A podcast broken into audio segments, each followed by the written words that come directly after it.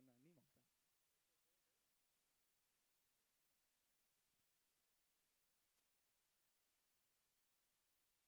niemand. Goedemorgen, nogmaals. Indrukwekkend om zo'n uh, zo'n dans van de natuur te zien. En um, ik mag vanmorgen met jullie um, een stukje van de natuur bekijken, namelijk wortels. En ik moet zeggen dat dat best wel een zoektocht was voor mij. Ik um, heb vaak een, uh, een preek waarbij ik zelf het onderwerp uh, heb mogen kiezen. Maar nu uh, mocht ik het doen met een onderwerp wat al gekozen was. En misschien ben ik daar te eigenwijs voor of zo. Maar het was een zoektocht. misschien zegt het ook wel wat over de diepte van mijn wortelgestel. Mm, maar ik ben benieuwd of dat wat ik vanmorgen aan jullie ga vertellen, of dat dat wortel gaat schieten. Ik hoop het, dat is mijn gebed. Uh, die beeldspraak van wortelen, de beeldspraak die de Bijbel best wel vaak gebruikt, is een prachtige beeldspraak, maar tegelijkertijd ook wel onzichtbaar. Want dat filmpje zoals we dat net zagen, dat zien we haast nooit. Want wortels zijn verborgen. Wortels zijn verborgen diep in de grond en ze zijn niet dat zichtbare deel waar je enthousiast van wordt. Ze zijn niet dat zichtbare deel waarvan je denkt, yes, dat is het. Nee, het is gewoon aan het oog ontrokken. Mensen die mij een beetje volgen op social media of die mij misschien kennen, die wel eens bij mij thuis zijn geweest, die weten dat ik wel van mijn tuin hou. En dat is best een wonder, want toen ik dit huis kocht, en mijn Connect groepgenoten die beginnen nu te lachen, toen ik dit huis kocht, toen dacht ik nog even, zal ik een stuk van die tuin verkopen, want vreselijk, dat is het enige wat scheelt aan, die aan, aan dat huis, een veel te grote tuin. En inmiddels ben ik blij dat de makelaar tegen mij zei, doe dat niet. Doe dat niet, want dat stuk grond, dat moet je erbij houden. Hij zei dat vanwege de waarde enzovoort en geld. En, nou, dat vond ik allemaal niet zo belangrijk. Maar ik vind het fantastisch nu om door mijn tuin te lopen. En eigenlijk gaat er geen dag voorbij dat ik niet even de tuin inloop en een stukje onkruid eruit trek. Of eens even bewonderend kijk naar mijn passiflora die nu um, uh, zo mooi aan het uitlopen is. Of nou ja, weet ik veel wat. En dat had ik een jaar of vier, vijf geleden echt niet verwacht. De groene vingers van mijn opa die zijn toch um, overgeërfd. Ik geniet ervan, van alles wat ik zie. En dan vooral dat er zoveel wonderlijks groeit. Die passiflora noemde ik al. Maar bijvoorbeeld ook dat je kiwis uit je eigen tuin kan eten. Fantastisch. De vrucht, dat is wat je ziet. Daar gaat het om. Met dat in mijn hoofd krijg ik het preekthema Hoe diep gaan je wortels toebedeeld. Ik had het veel comfortabeler gevonden om iets over vrucht te mogen vertellen, over dat zichtbare. Ik denk dan meteen aan bijvoorbeeld Johannes 15, maar um, teksten over vrucht, nou ja, zo memoreren kan ik uit mijn hoofd denk ik wel. De grootheid van mijn vader zal zichtbaar worden wanneer jullie veel vrucht dragen en mijn leerlingen zijn. Zichtbaar worden.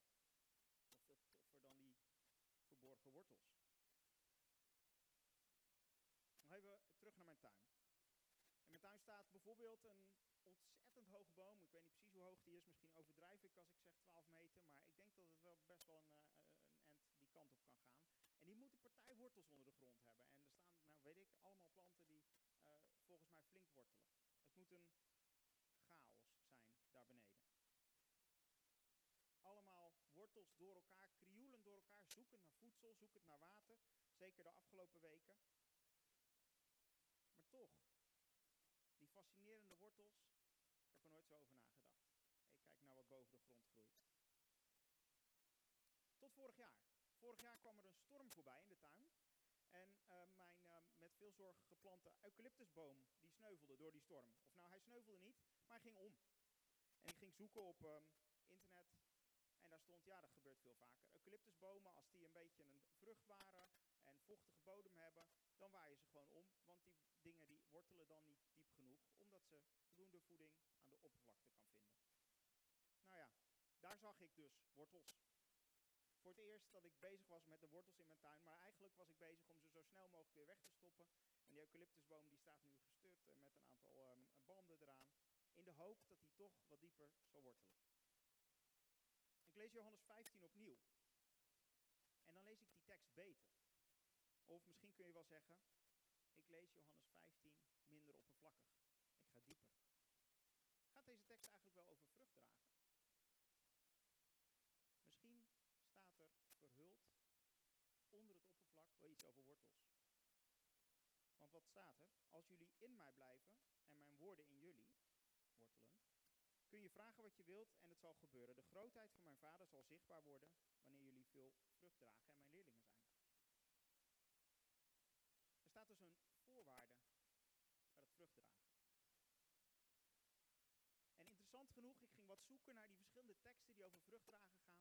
Elke keer kom je die voorwaarden ondergrondse wortels, die er soms misschien wat verhuld staan, want dat hoort bij wortels, die kom je steeds weer tegen als het in de Bijbel over vrucht gaat. Je denkt dan aan dat interessante bovengrondse deel, maar ondergronds speelt zich van alles af als een voorwaarde. En goede wortels die zijn essentieel. Die zijn belangrijker dan wat dan ook voor de plant. En ik denk dat het daarom ook is dat we steeds die adviezen over die wortels krijgen. Wortels kan een plant van alles doorstaan. Droogte, uh, rukwinden en van allerlei zaken meer. Ik moest eventjes denken aan de ranger die mij door het oerwoud loodste in Suriname. Die man die kon prachtig vertellen. Echt gepassioneerd over zijn oerwoud. Hij beleefde het als zijn oerwoud. Over het bladerdek wat dan hoog boven je uittorent. Hij vertelde over de bloemen, over al die beesten die daar zitten. Duizenden soorten misschien wel. Alle geluiden die hij hoorde, die kon hij herkennen. Maar wat ik in mijn tuin over het hoofd zag, dat zie je in het oerwoud niet over het hoofd. Wie daar wel eens geweest is, die weet wat ik bedoel. De wortels komen daar meters hoog letterlijk uit de grond.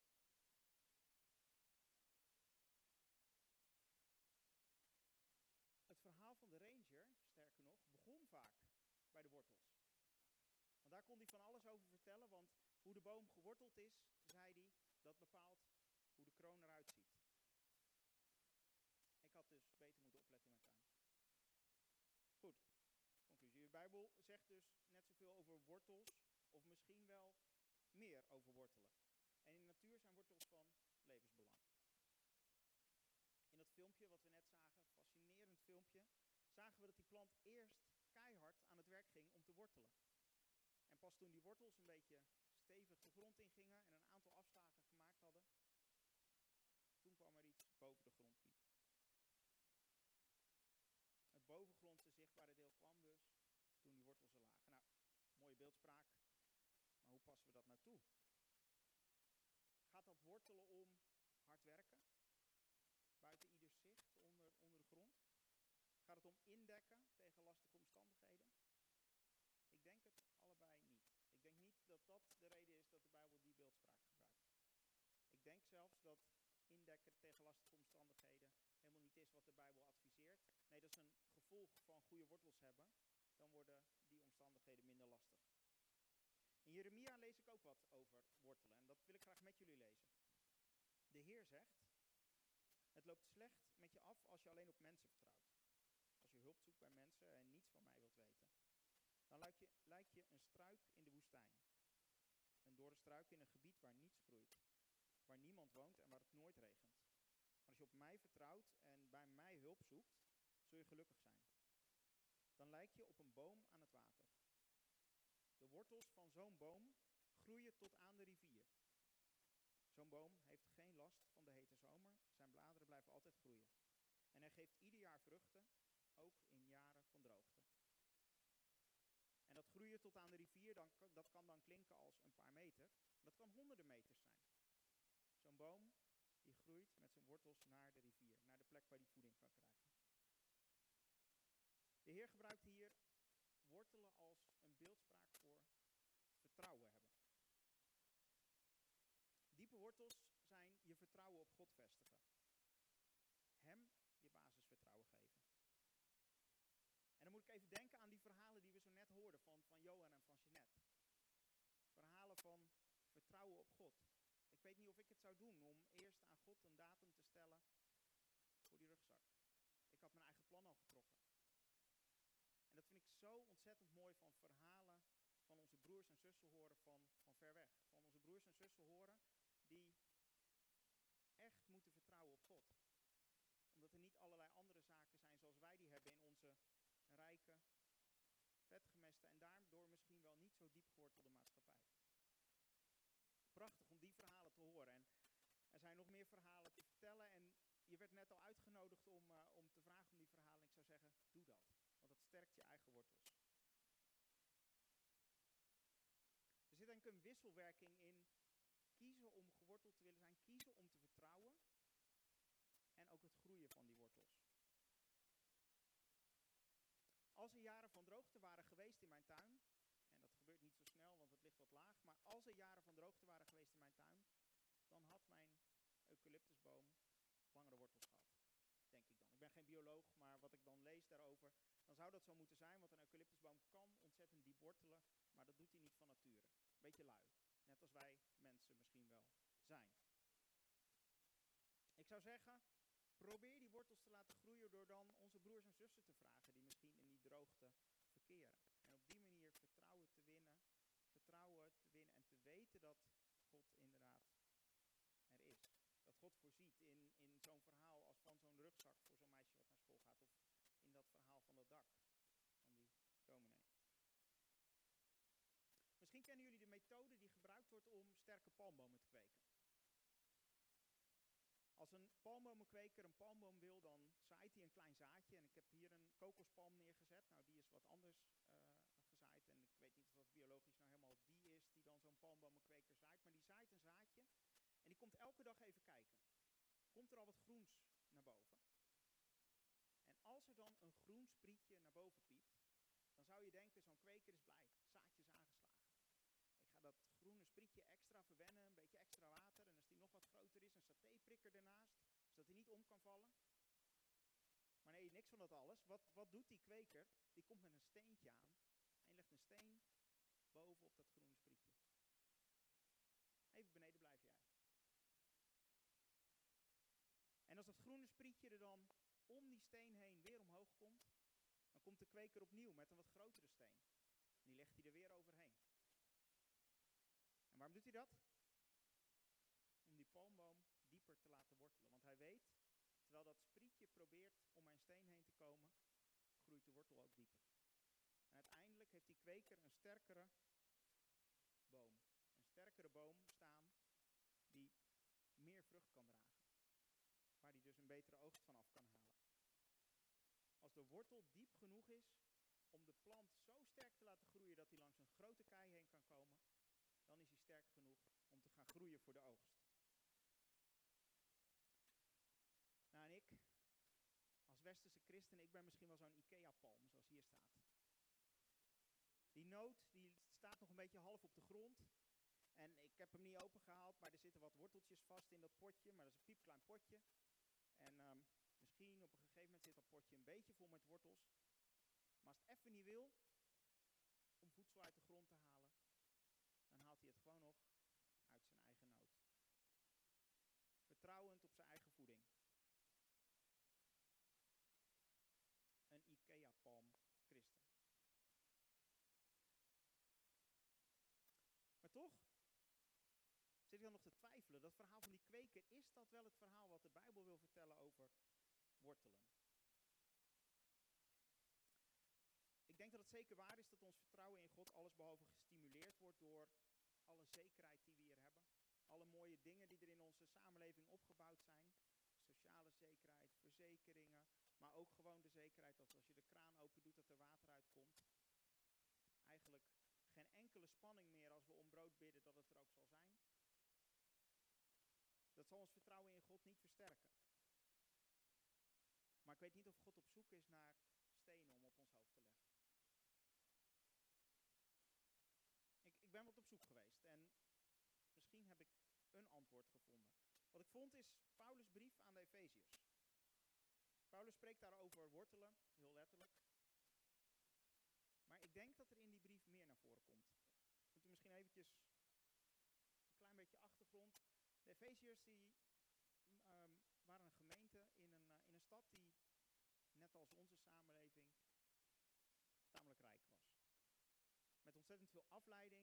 Afleiding ook van het zijn van gemeenten, van het gericht zijn op, op Christus. Maar ook een gemeente waar God veel van houdt, schrijft Paulus, en waar Paulus veel van houdt. Paulus zit op dat moment in de gevangenis en hij moet heel wat moeite doen om zijn boodschap naar die gemeente over te brengen. En dat doet hij. Dat doet hij uit liefde voor die gemeente. Hij schrijft een, een mooie, maar ook best ingewikkelde brief. En ik wil met jullie een klein stukje daaruit lezen uit uh, Efeze 3, vanaf vers 16. Dan bid ik dat hij vanuit de rijkdom van zijn hemelse macht en majesteit jullie geest met zijn kracht zal vullen. Door de Heilige Geest. Want dan zal Christus in jullie hart wonen door jullie geloof. Dit is dus een van Paulus voor de gemeente. Dan zullen jullie stevig geworteld zijn in zijn liefde, net zoals een boom met zijn wortels stevig in de grond staat. En dan zullen jullie samen met alle andere gelovigen gaan zien hoe breed en hoe lang, hoe hoog en hoe diep de liefde van Christus is. En dan zullen jullie gaan zien dat die liefde te groot is om te begrijpen. En dan zullen jullie vol worden van God zelf.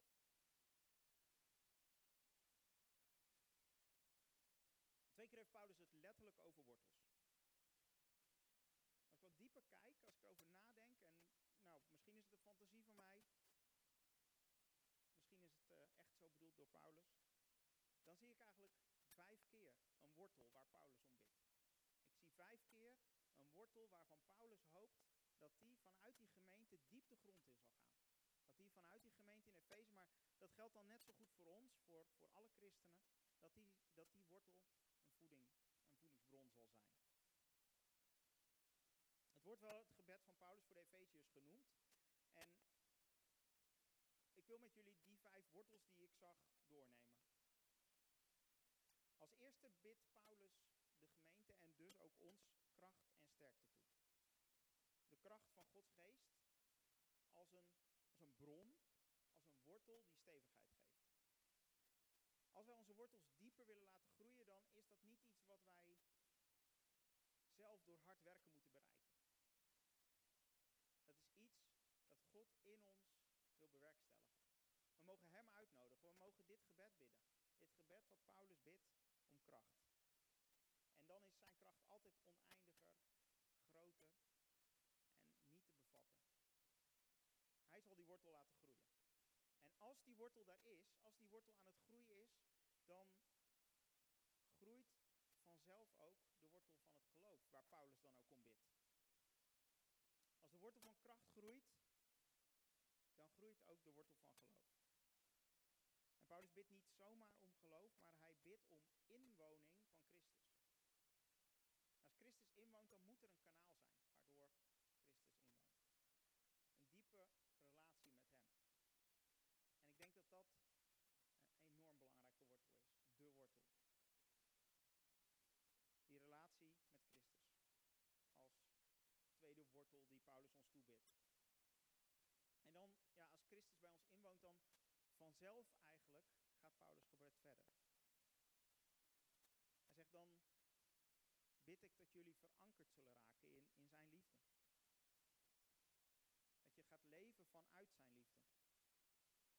En zelfs als het dan koud en guur buiten is, als het stormachtig is, dan staat daar die sterke wortel als basis voor, voor wie jij bent. Voor de drager van vrucht. En dan is het vierde waar Paulus voor bidt, misschien de vierde wortel, het belangrijkste uit zijn gebed misschien wel. Geval nadruk op leggen, want hij gebruikt een mooie illustratie. Die illustratie van die, die lengte en die hoogte en die breedte en die diepte. Hij wil laten zien dat het, dat het, dat het enorm is. Hij gebruikt ook wel een beetje een tegenstelling, want hij zegt aan de ene kant dat het niet te bevatten is. En aan de andere kant zegt hij juist dat hij ons toebidt dat we het zullen kennen. En daarin staat dan een, een sleutel dat dat samen gebeurt. En ik denk dat wij als gemeente samen en de wereldwijde gemeente samen, ook met onze en zussen die ons zoveel kunnen vertellen van ver weg, dat wij samen een plek vormen waar we kennis kunnen vergaren. Kennis over Christus. Kennis over zijn liefde en daar meer van te weten komen. Nou, en, en dat is natuurlijk veel meer dan verstandelijk weten. En dat is ook wat Paulus dan als laatste die gemeente in Efeze toebidt. Hij, hij zegt, het is veel meer dan je aan kan. En ik hoop voor jullie, zegt hij, dat jullie zo overweldigd vol oversteld zullen raken van Gods volmaaktheid. En Gods volmaaktheid is altijd groter dan we kunnen bevatten. Maar bid toe dat we zullen overstromen, dat dat, dat wortelkanaal, dat dat, dat sappen zal blijven aandragen.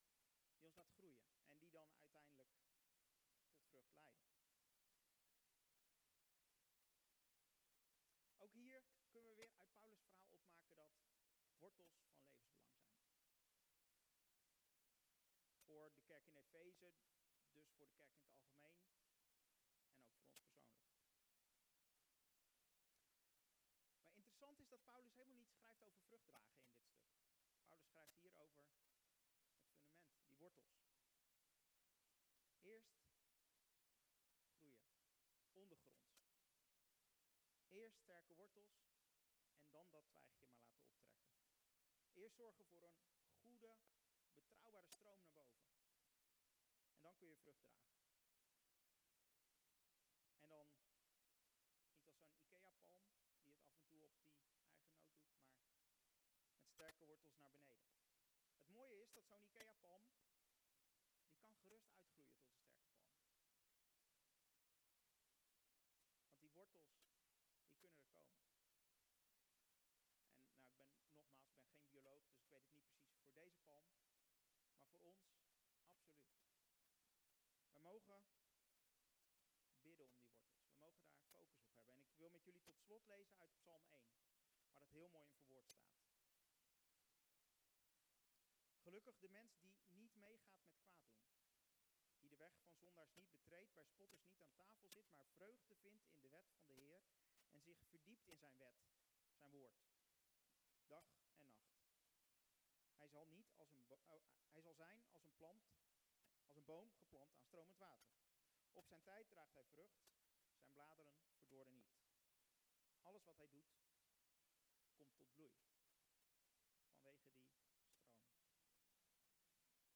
En nogmaals, dat is niet een kwestie van keihard werken. Mijn wortels moeten groeien. Dat is een kwestie van God daarom vragen. Om die eerste wortel die Paulus noemt, die kracht. Die God in ons en door ons wil zijn. En ik wil daar graag met jullie ook voor bidden. Dat we daarmee vervuld mogen worden, mogen zijn en mogen blijven. Voor onszelf en voor elkaar. Vader God, dank u wel dat we voor uw troon mogen komen.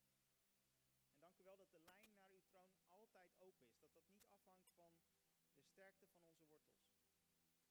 De duur van ons geloof of wat we dan ook maar hebben gedaan. Dat het niet afhankelijk is van de vrucht die we dragen. Door uw zoon mogen we altijd bij u komen en daar wil ik u voor danken. En vader, ik wil u ook Wilt u ons zegenen met meer focus op onze wortels? Wilt u mij zegenen met meer focus en meer verlangen om sterkere wortels te krijgen? Vader, wilt u ons geven dat we mogen bidden om sterkere wortels? Wilt u ons geven dat we daarmee bezig mogen zijn? En vader, ik wil u bidden dat we